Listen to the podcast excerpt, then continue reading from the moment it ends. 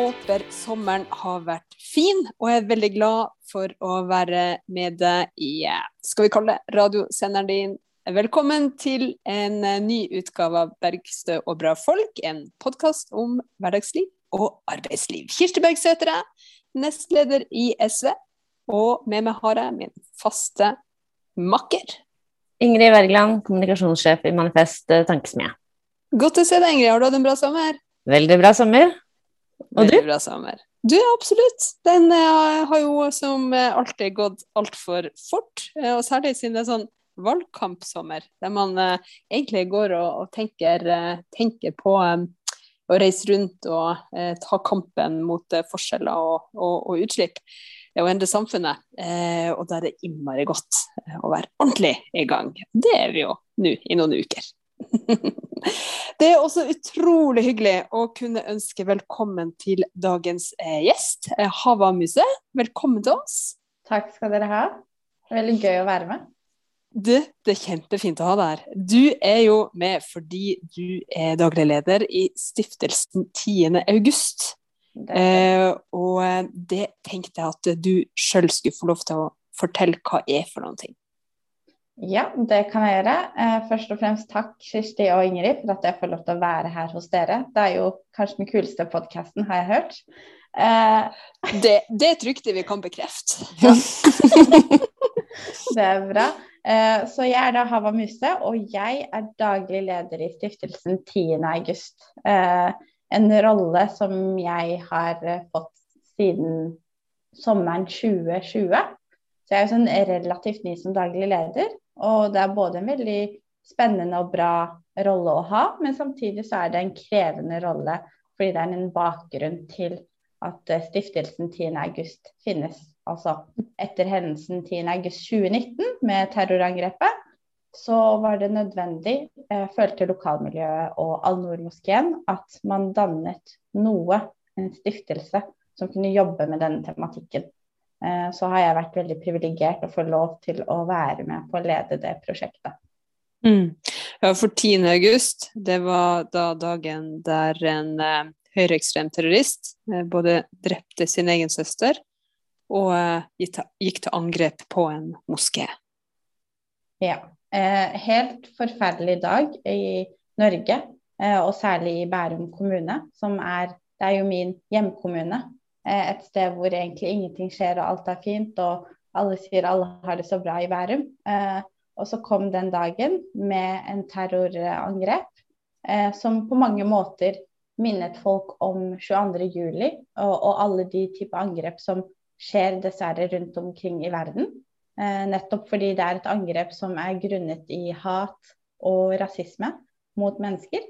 Eh, og det at det var så kalkulert, og at han drepte sin egen søster eh, inne på hennes soverom før han gikk til angrep på en moské, eh, det er noe som sjokkerer. Ikke bare lokalt, men nasjonalt og, og, og globalt også. For det er et alvorselement rundt årsakene, da. Mm. Absolutt. Og, og det er jo ikke Ja, det er som du sier, det er ikke uten grunn at man, man får assosiasjoner til, til 22. juli. Han var jo eksplisitt inspirert av, av Breivik også, han Manshaus.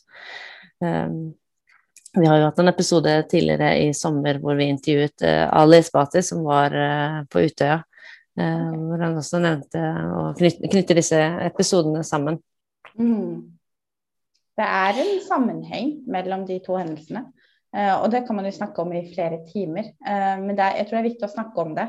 Eh, for det er ikke en vanlig person på gata er ikke klar over sammenhengen mellom det som skjedde i New Zealand, det som skjedde 22.07. Eh, på regjeringskvartalet og Utøya, og det som skjedde i Bærum kommune for nå to år siden. Eh, og den sammenhengen er jo nødvendig å prate om nettopp for at man skal kunne være klar over årsakene. Eh, men samtidig også for å kunne vite hvordan man kan forebygge det. Eh, både som et samfunn, men på individuelt plan. da. Som samfunnsborger. Hva er det man kan gjøre, og hva er det man må være obs på når man lever en hverdag i et hvilket som helst samfunn. Mm. Hvordan vil du Hava, egentlig forklare eller fortelle om de sammenhengene mellom de ulike angrepene som du nå refererer til? Eh, for min del så er det jo nettopp fordi jeg har en eh, bakgrunn som ikke er etnisk norsk. Altså jeg har opprinnelse fra Øst-Afrika, eh, fra Somalia. Eh, og jeg vet at de terroristene, gjerningsmennene som har gjort dette her, både i New Zealand, Breivik, Manshaus, alle de tre har jo til felles at de har et ønske om et veldig homogent Europa og et veldig homogent Norge i dette tilfellet. Eh, altså et Norge der hvor mennesker som ser ut som meg, eller har den religionen jeg har, som er islam, ikke har en tilhørighet. Eh, og for meg så er det nettopp den sammenhengen som blir veldig eh, personlig. Men samtidig så er det jo en sammenheng i den setting at dette her er tre menn som ikke på en måte passer inn i det bildet av terrorist som vi har etter 9-11 og egentlig etter 1980-tallet med Salman Rushdie sin bok osv. Hvor terroristen normalt er en mann med svart skjegg og kommer gjerne fra Afghanistan eller, eller al-Shabaab i Somalia. Eh, eh, og har muslimsk bakgrunn. Da.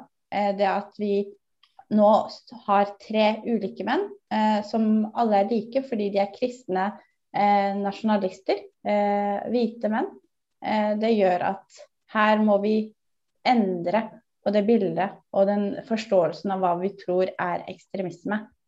Eh, og at det har kommet mer eh, på banen, særlig etter PST sin rapport om høyreekstremisme, og det at det er en reell trussel for det norske samfunn. Det tror jeg er et steg i riktig retning, da. For da vet man også at man skal ikke bare se på den ene ekstreme gruppen, men man må faktisk se at dette her er to grupper, eller flere grupper, det finnes jo ekstremismer i alle typer miljøer. Eh, men det er viktig å se på at det de har til felles igjen, er jo nettopp dette, dette svart-hvitt-bildet av verden. Eh, og dette hatet eh, og den rasismen som de på en måte er hva skal jeg si, påvirket av eller drevet av. At det er fellesnevneren, da. Og da spiller det ingen rolle om du er en eh, høyreekstremisme eller en, en, islamsk ekstremist eller buddhistisk ekstremist. Eh, når eh, det, ditt ønske, ditt mål, er å fjerne noen mennesker eh, og, og, og, ta bort universelle menneskerettigheter som, som man har, da. Og nå er jo du daglig leder for stiftelsen 10. august. Um, dere har jo et, et, et oppdrag eller et, et, mål med den stiftelsen, uh, og, og, nettopp det å, å sette datoen uh, for, uh, for, angrepet inn i deres navn. vil du fortelle litt om, om, hva som er tanken bak, bak, det? Nettopp det å lage en stiftelse, og, og hva er dere vil formidle? til, mm. til samfunnet gjennom, gjennom, deres virke? Absolutt. Absolutt. Eh, det som er viktig, Før jeg snakker om målet, så er det kanskje viktig at jeg snakker litt om bakgrunnen. Eh, mm. Hvorfor stiftelsen. Eh, og det er jeg jo egentlig veldig Jeg syns det er veldig stor respekt ved hva som var årsaken til at man fikk en stiftelse. Altså hvem var det som initierte det. Og det at det var et initiativ som kom lokalt fra, og fra Al-Noor-moskeen selv, det syns jeg er veldig sånn Det står respekt ved det. Eh, nettopp fordi dette her er en moské som har blitt terrorisert, eh, men som likevel tenker at hva kan vi gjøre for å forebygge at det ikke skjer igjen. Jeg tror veldig mange moskeer, muslimske miljøer og andre trosmiljøer i Norge setter pris på at man på, fra grasroten da, og på lokalt nivå tar et sånt initiativ.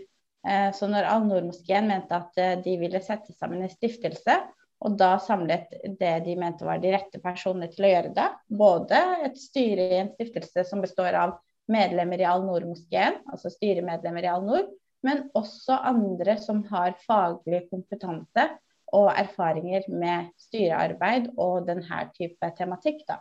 Så da har vi en styreleder, eh, Henrik Syse, eh, som er en høyremann, en fredsforsker, en prestfilosof. Eh, og så har vi Eva Mørk, som har eh, lang fartstid innenfor arkiv- og dokumentarbeid hos Holocaust-senteret. Eh, og meg, Hava Muse, som ikke er eh, pakistaner eh, med muslimsk bakgrunn, men en somalier med muslimsk bakgrunn. Så det at man har satt seg, Al-Noor-moskeen har klart å sette sammen et sånt styre som viser et mangfold av det som er i Norge. Eh, det er jo en veldig viktig bakgrunn eh, for at man skal nå målet til stiftelsen, som da nemlig er å skape et møteplass, altså en møteplass eh, i moskeens lokaler. Dette skal da være et minne- og kunnskapssenter. Og tanken er jo at i all hovedsak skoleklasser og grupper som ønsker å ha dialog, lære om årsaker og konsekvenser av hendelsen 10.8, skal kunne komme.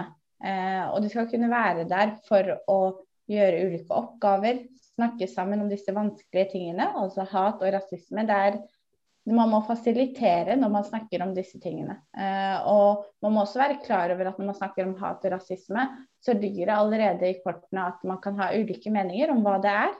Eh, og det at man tilrettelegger for det er viktig. Eh, samtidig så er det viktig at man i dette minne- og kunnskapssenteret også bevarer sporene etter hendelsen. Eh, og derfor har jo eh, vi har fått med oss en arkitekt, eh, Atle Aas, som da har bakgrunn eh, i forhold til utformingen av Utøya, Heimhuset og 22. juli-senteret. Han har jobbet med Falstadsenteret osv. Og, og kan dette å bevare spor da, og uttrykke det eh, gjennom elementer. Eh, så disse sporene eh, I dag så ligger det jo sånn som det var for to år siden, inne i bønnerommet i moskeen.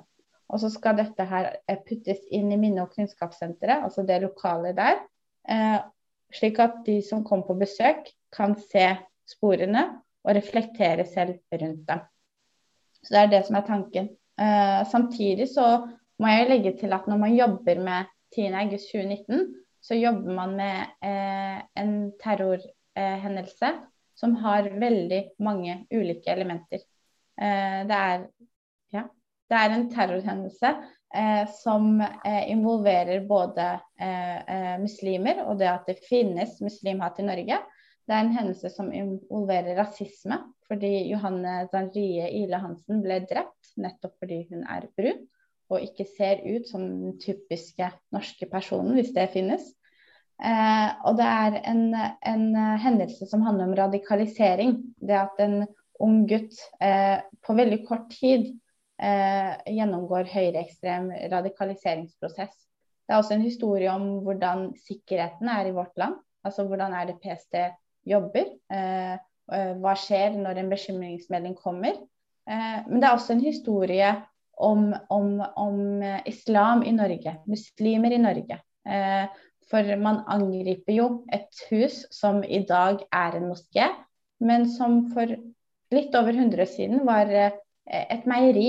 Dette var Bærums meieri, eh, som eh, etter å ha vært et sted for tolv ulike bønder i Bærum, eh, videre har blitt et landhandleri, en nærbutikk, og først i 2007 så ble dette lokalet en moské. Eh, sånn eh, i Skue i Bærum, som også er en veldig sånn avsidesliggende sted i Bærum. Mm. Så det er jo veldig mye historie eh, rundt dette her, og det er jo spørsmålet man kan stille seg, er jo var det eh, noe fremmed man angrep, eller angrep man noe som var en del av Norge? Eh, og jeg tror det at en arkitekt og en kurateringsgruppe klarer å på en måte legge inn elementer som de besøkende kan selv reflektere rundt, er viktig.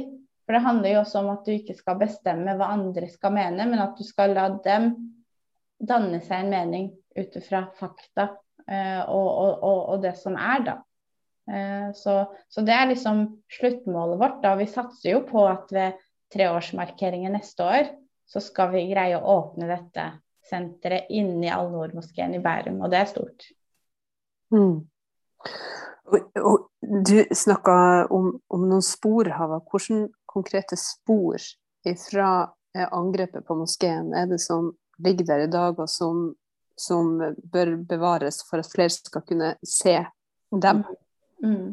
Det er eh, sporene som ligger i Al-Noor-moskeen i dag, eh, er jo skuddskader det er også eh, spor av blod. Eh, når de tok basketak på han og de sloss med han, så ble de skadet. Så hvis man er i lokalet i dag, så vil man se at det som var nødutgangen, er smadret. Eh, vinduet til den døra er knust og ser litt som ut som sukkerbiter. Eh, og sånn står den i dag. Eh, og så ser man jo at det er eh, flere vegger i bønnerommet hvor det er skuddhull.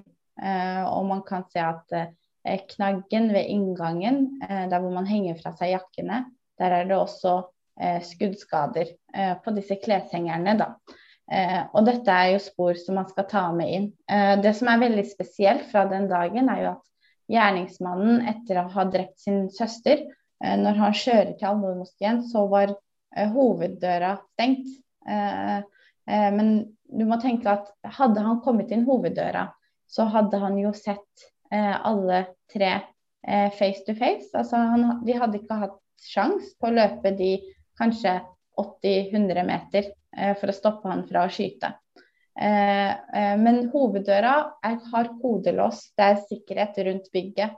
Og den sikkerheten ble jo også til etter angrepet i New Zealand. fordi et av disse moskeene heter jo også Al-Noor-moskeen. Så det at man har klart å sikre bare noen måneder etter det som skjedde i New Zealand, at man tok faren på alvor, gjorde også at gjerningsmannen måtte gå inn nødutgangen. Eh, og der er det en vegg som gjør at man kan De kunne reagere eh, av lyden av at han brøt seg inn. Eh, så det er jo veldig spesielt. Og så er det veldig spesielt å, å huske at sporene hadde vært helt annerledes hvis gjerningsmannen hadde kommet den dagen han egentlig hadde kalkulert for, eh, som var i feiringen 11.8, altså dagen etter. Eh, for da hadde jo dette lokalet hatt kanskje 200-300 mennesker som er og feirer. Altså, da snakker vi om eldre, barn, kvinner, menn. Eh, eh, lokalmiljøet i Bærum hadde vært samlet der. Eh, og konsekvensene hadde vært helt grusomme eh, dersom han hadde kommet dagen etter. Eh, og Det er derfor det er viktig at man forteller disse tingene man snakker om hva var egentlig hans utgangspunkt, hva var det gjerningsmannen ville. Gjerningsmannen ville jo ikke ha det som mange dessverre kaller et mislykket angrep. Og jeg sier dessverre fordi det var ikke et mislykket angrep. Eh, det var et angrep som har lagt igjen en frykt, eh, som har mm. gjort at færre tør dra til moskeen.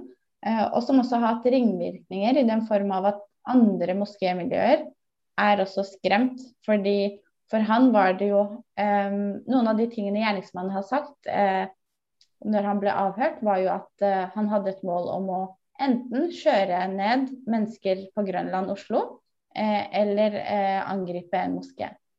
Eh, så det, det, forteller jo oss at det her er ikke et tilfeldig at det var den moskeen. Det handler om at det skulle være muslimer som ble angrepet, som ble drept. Og jeg tror at vi, alle vi i dette samfunn som jobber mot at sånn skal skje igjen, må huske utgangspunktet til terroristene.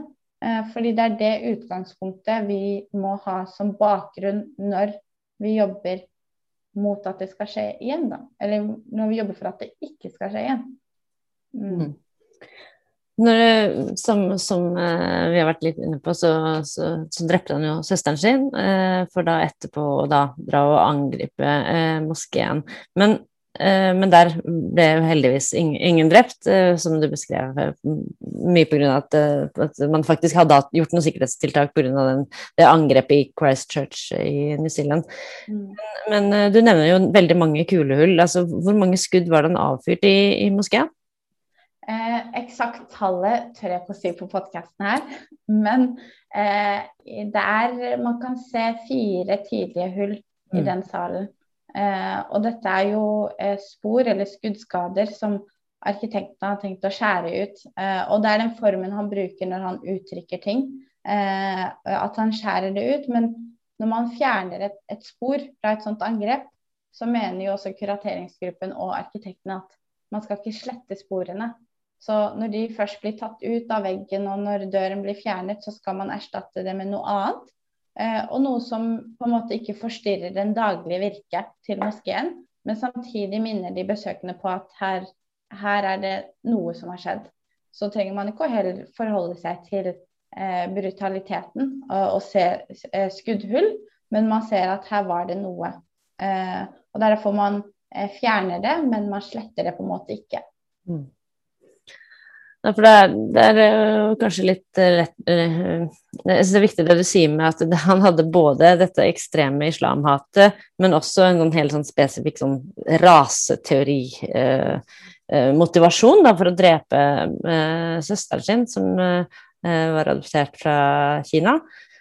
det er jo det er jo helt, det er jo helt ufattelig å skjønne hvordan en hvordan man kan få så mye hat på så kort tid. Altså, som du beskriver det, så, så vet vi jo fra liksom, dokumentarer og det som har vært skrevet om, om, eh, om terroristene i mediene osv., at, eh, at dette, dette, har jo, han har jo blitt, blitt hatefull på, på, mm. veldig kort tid. Mm. Hva tenker du man kan hva kan, hva kan, man gjøre? Som du sier, du, dere skal ha skolebesøk osv. Men, men hvordan kan man formidle på en måte, forebyggingsarbeid eller eller um, hvordan tror, plukke opp at det skjer, osv. Ja, ja. Jeg tror som du sier, Ingrid, så er det jo veldig vanskelig å, å forstå at det finnes. Um, det er veldig vanskelig å forstå at mennesker faktisk kan gå så langt som at de mener at noen på bakgrunn av sin hudfarge har mer verdi enn andre. Uh, altså Året er 2021, og det er mennesker i vårt samfunn som tenker på den måten. Det er, uh, altså det er veldig vanskelig å forstå. Uh, men jeg tror nettopp fordi det er vanskelig å forstå, så er det veldig viktig at man eh, gir eh, mennesker ulike innfallsvinkler, eh, ulike elementer som er med på å bygge opp deres tanke. altså Da tenker jeg at man må vite hva er det som skjer globalt, hvordan er det ting henger sammen globalt. Dette med radikalisering. man er også tvunget til å snakke om hva vil det f.eks.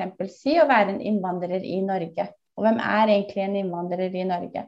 Ikke sant? Eh, og vi vet jo i norsk sammenheng at det å diskriminere og hate på minoriteter, det er jo ikke noe som kom med eh, pakistanere, tyrkere, marokkanere. Eh, det er også en del av Norges historie. ikke sant? Og det må man ikke tenke at fordi om det skjedde for veldig lenge siden, så skal vi ikke snakke om det mer. Diskriminering og rasisme skjer hele tiden.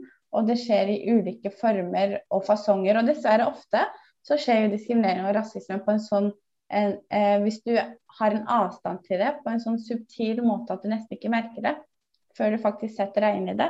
Eh, og da tenker jeg f.eks. på dette med strukturell rasisme og rasisme i forhold til å komme seg inn i norsk arbeidsliv eller ta høyere utdanning osv. Eh, og jeg tror kunnskap, altså det å øke kunnskapsnivået til voksne og unge mennesker, eh, er viktig for at man skal kunne forebygge. Og når det gjelder de unge, altså skoleelever, og da snakker jeg liksom alderen type 12 år til 20, som er liksom vår hovedmålgruppe, så er det viktig at man har en måte hvor man tilrettelegger at man kan snakke om disse tematikkene. Eh, men man må også huske at eh, man kan ikke eh, unngå å snakke om det fordi det er skoleelever. Jeg husker jo selv fra min barndom at jeg lærte jo om andre verdenskrig på barneskolen. Og så lærte jeg det om det igjen på ungdomsskolen og på videregående at du må starte det, og så må du gjøre det i riktig nivå og riktig pedagogisk eh, måte. Sånn at uh, uavhengig av hvilken alder du er, så skal du kunne uh, tenke rundt dette her, da. Så det er veldig mye ansvar som ligger i det. Det å liksom lage de rette rammene for den rette målgruppen. Uh, men saken skal være den samme.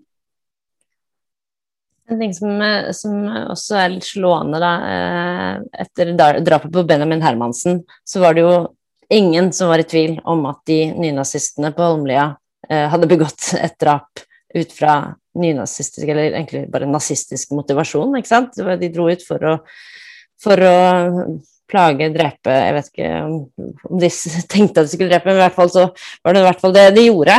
Um, etter 22. Eh, så var det jo en kjempediskusjon. Er han gal, eller er dette politisk angrep, liksom? Selv om han eksplisitt sa nå skal jeg ut og drepe kulturmarxister. Um, hva tenker du om det? At, uh, hvorfor, hvorfor, hvorfor, har det vært uh, har man hatt liksom, Og sammen med Mansa så, så, har det også vært en del sånn psykologiserende forklaringer osv. heller enn at man har mm. gått, gått rett inn i, i det politiske ved det. Jeg tror, altså, jeg tror, det handler om at det finnes mange ulike perspektiver der ute. Uh, og så handler det om at vi som et samfunn gjør et bevisst valg om hvor vi skal legge fokuset vårt. Uh, og noen ganger så slår vi helt feil med det valget vi tar. Eh, og da tenker jeg spesielt på hvordan man snakker om 10. august, hendelsen som f.eks. En, en familietragedie. Eh, som en historie om en ung, forvirret gutt.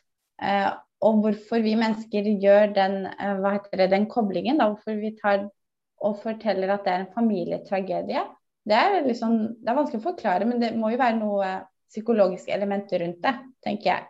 Eh, fordi så fort du sier at dette her er ikke en familietragedie, men det er en nasjonal tragedie, så får det en mye større skala. Da går vi umiddelbart tilbake til traumene fra 22.07. Eh, og det at vi mennesker i hverdagen skal forholde oss til enda en sånn terrortraume, kan være vanskelig for den eh, mannen på gata eller kvinnen på gata, tror jeg da. Nå er jeg ikke en psykolog, så jeg skal ikke analysere for mye. Men jeg, poenget mitt er at det er veldig viktig at man husker at dette her er ikke en, en mis, et mislykket angrep eller bare en familietragedie. Selvfølgelig er det en familietragedie fordi det er, en, det er to triste skjebner i, i familien Manshaus. Men det er en nasjonal tragedie fordi årsakene til at Johanne ble drept, er eh, rasistisk motivert. Eh, det var et rasistisk motivert drap. Og det at en moské blir angrepet, det forteller jo oss i det norske samfunnet at muslimhat, det finnes. Eh, så når jeg diskuterer med folk, og folk spør ja, men finnes det egentlig rasisme i Norge, og finnes det egentlig muslimhat i Norge, da kan man jo også si at men, det finnes 10. august, det finnes eh, januar 2001, når Benjamin Hermansen ble drept. Eh, det finnes 22. juli. Så om det er eller ikke, det tror jeg det blir veldig fordummende, da. Eh, og, og man er ikke løsningsorientert hvis man velger å ikke fokusere på, på, på realiteten, eh, men heller skyver den unna. Og det er jo en traume å snakke om terrorisme og, og jobbe med terrorisme. Det er en veldig vanskelig oppgave å, å, å jobbe med. Eh, men som et samfunn så har vi ikke et alternativ. Eh, det er liksom ikke noe annet. Alternativet hadde vært å ikke gjøre noe, og det er på en måte ikke et valg. Mm. Jeg tenker at nettopp det her ordet familietragedie er jo, er jo gjerne et sånt ord som, eh, som brukes veldig forskjellig. Eh, fordi eh, vi ser jo ofte familietragedie blir brukt når hvite menn dreper sine partnere. Og, og kvinner lider under, under menns vold. Mens hvis menn som ja, har eh, muslimsk bakgrunn eller, eh, eller familie fra et annet land eh, gjør det samme, så bruker man helt, helt andre eh, begrep, gjerne.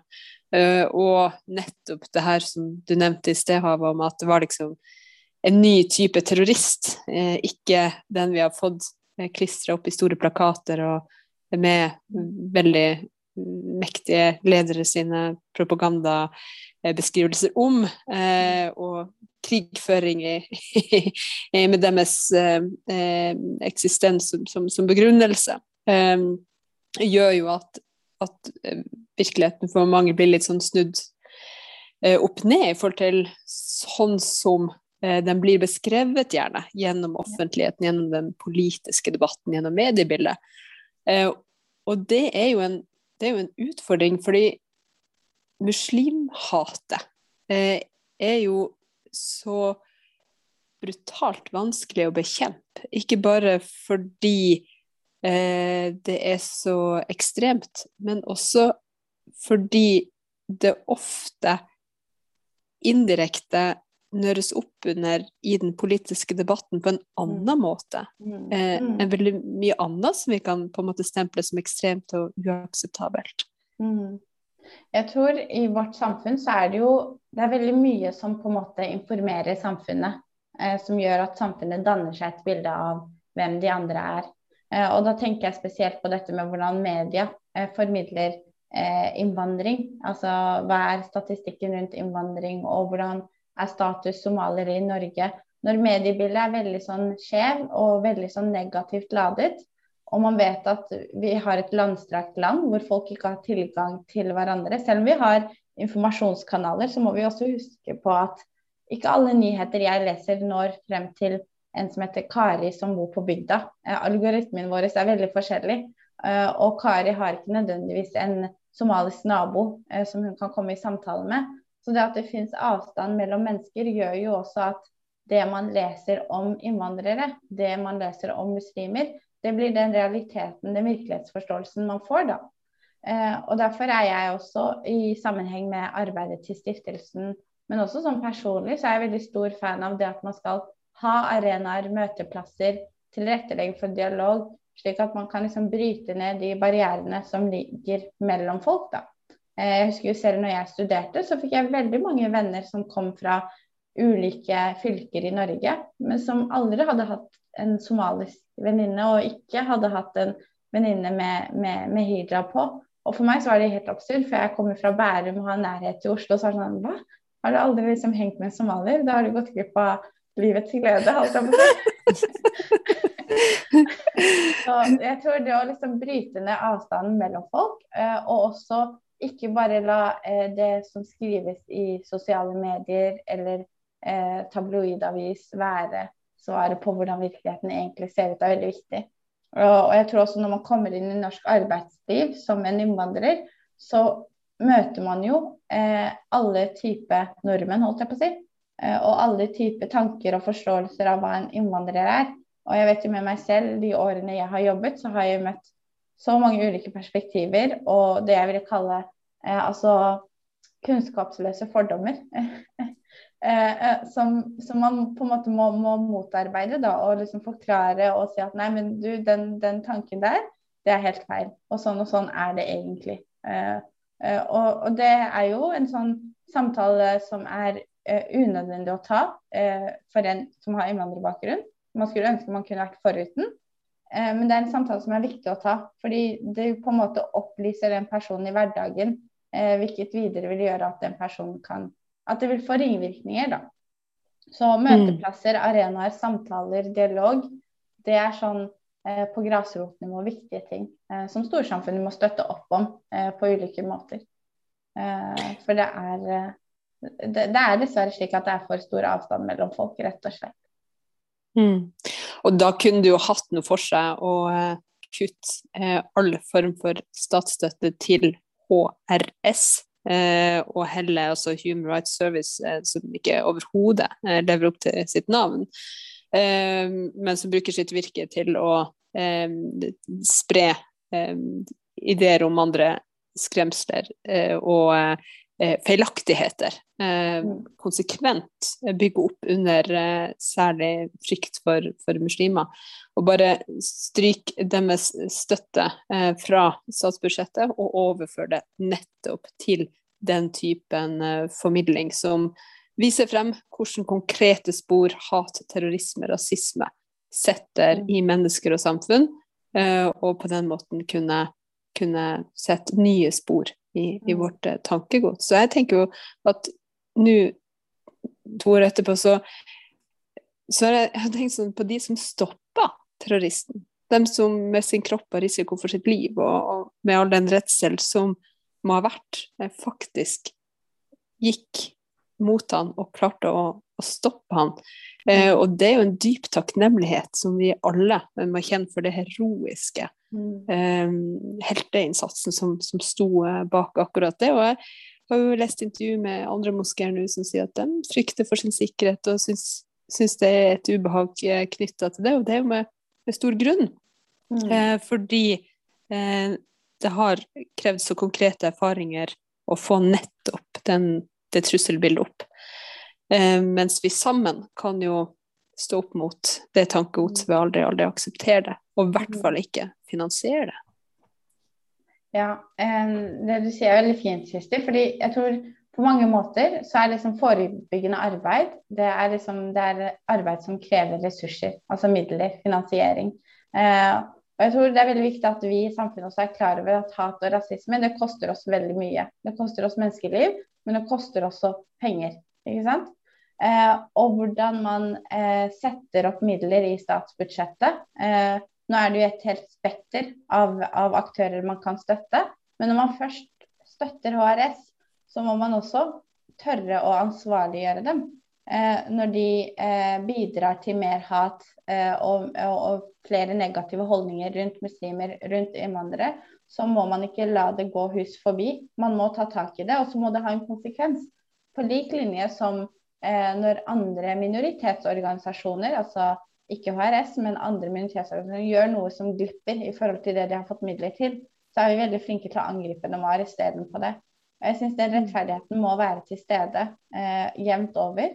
Eh, og så tenker jeg at når det gjelder eh, heltene, så er det jo eh, sånn rent sånn eh, Jeg sitter i kurateringsgruppen også for, for Minne- og kunnskapssenteret.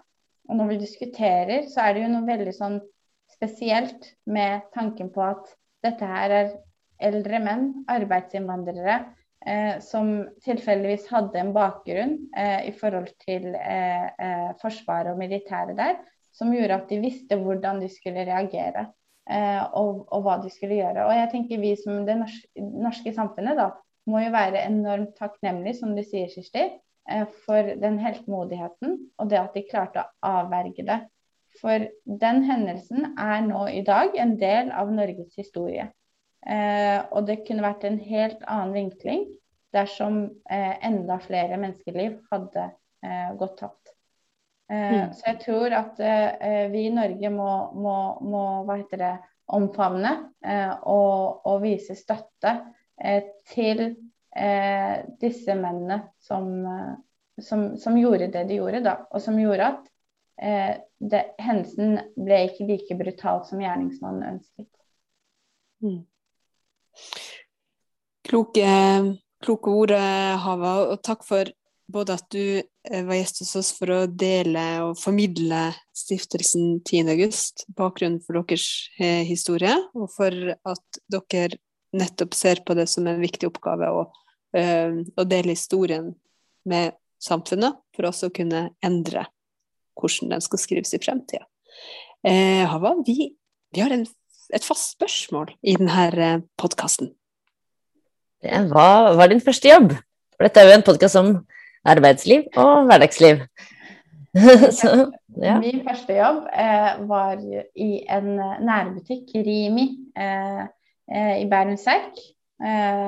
Eh, og da jobbet jeg Jeg var 16 år, så jeg ryddet varer, var det jeg gjorde. Og passet på flaskerommet. Eh, at folk kunne pante uten at det sperret seg. For det var noe det, det som forvirret kunder mest, var jo at de ikke fikk, fikk inn den flaska. Og da var det fordi Havik hadde ryddet i bakrommet. så det var, det var, min første ordentlige jobb, eh, vil jeg si. Eh, så da måtte, du, da måtte, du, ta imot panten og så stable den med riktige kasser og frakte den ja, videre? Da, måtte jeg løpe så raskt jeg kunne i bakrommet og bare flytte hundrevis av cola og ølflasker ned, sånn at flere kunne tyte inn. Høres ut som en veldig klissete jobb. Det er en veldig klissete jobb, og noen ganger så fester skoene seg på gulvet, men, men du må fortsatt jobbe. Men uh, sparte, sparte, du til noe spesielt, eller var det Jeg sparte den gang, så sparte Den jobben så lurer jeg på om jeg bare sparte til livet. Litt sånn Jeg skal ha en jobb, uh, og så kommer jeg jo fra en ganske stor familie og vet jeg har jo også en bakgrunn hvor vi bidrar også. Alle hjelper alle. Det var jo veldig riktig at når jeg ble 16 år, så, så klarer jeg å kjøpe mine egne, min egen jakke selv og mine egne sko selv. Det høres veldig trist ut, men det gikk bra med meg. Det var viktig. det var en viktig erfaring det, i livet. det, det, gjorde jeg òg. Man måtte ja, kjøpe sine egne klær sjøl når man er 16. Det er, det. det er veldig ja. bra. Da kan man jobbe, og da må man jobbe.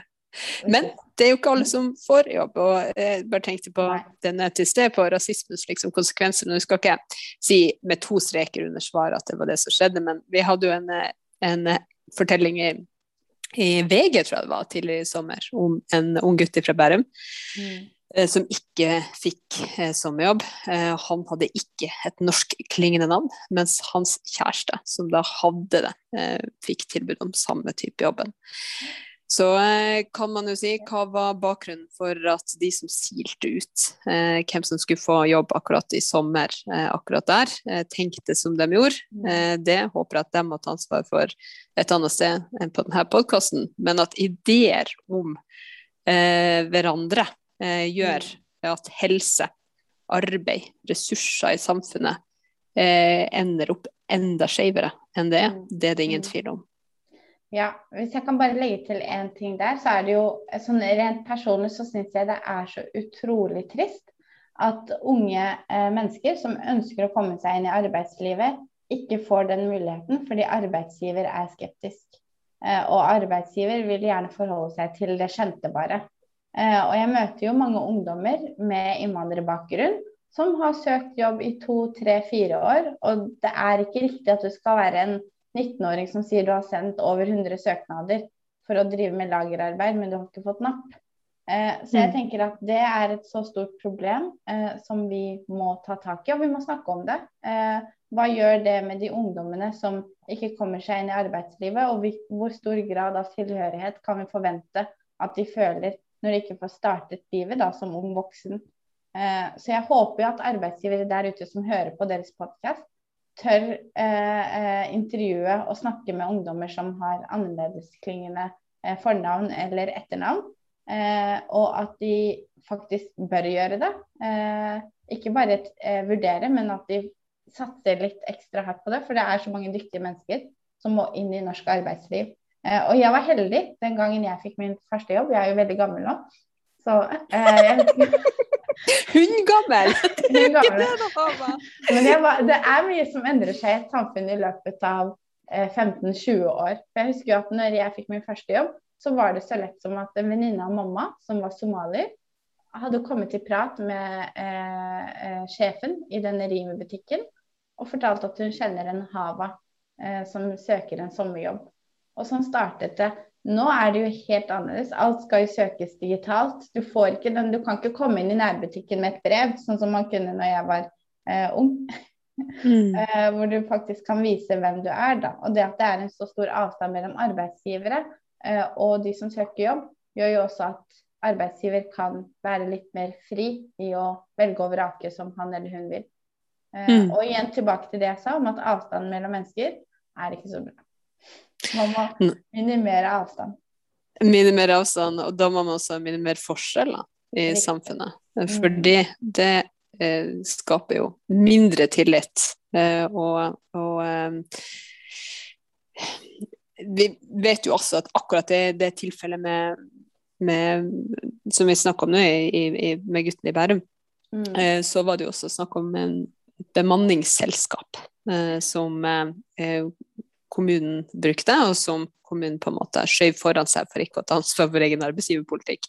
Mm. Så eh, det er klart at har man innleie eh, som eh, konsept, eh, og ikke tar ansvar for formidling og faste ansett eller ansettelser sjøl, så, så, er det jo også mye som, som skyves ut av det som vi egentlig burde stille folkevalgte til ansvar for å å, å endre i kommunene, mm. lokalsamfunnene og i, i, samfunnet vårt. Mm. Men det får vi snakke om neste gang, Hava. Takk for at dere hadde meg. Takk for at du slo følge med oss, eh, både du, eh, gode, kloke Hava, og også du som eh, er med som lytter. Vi håper du fortsetter med det. Lik, del, eh, kommenter. Kom gjerne med innspill om hva du vil høre mer av. Ha en fin dag!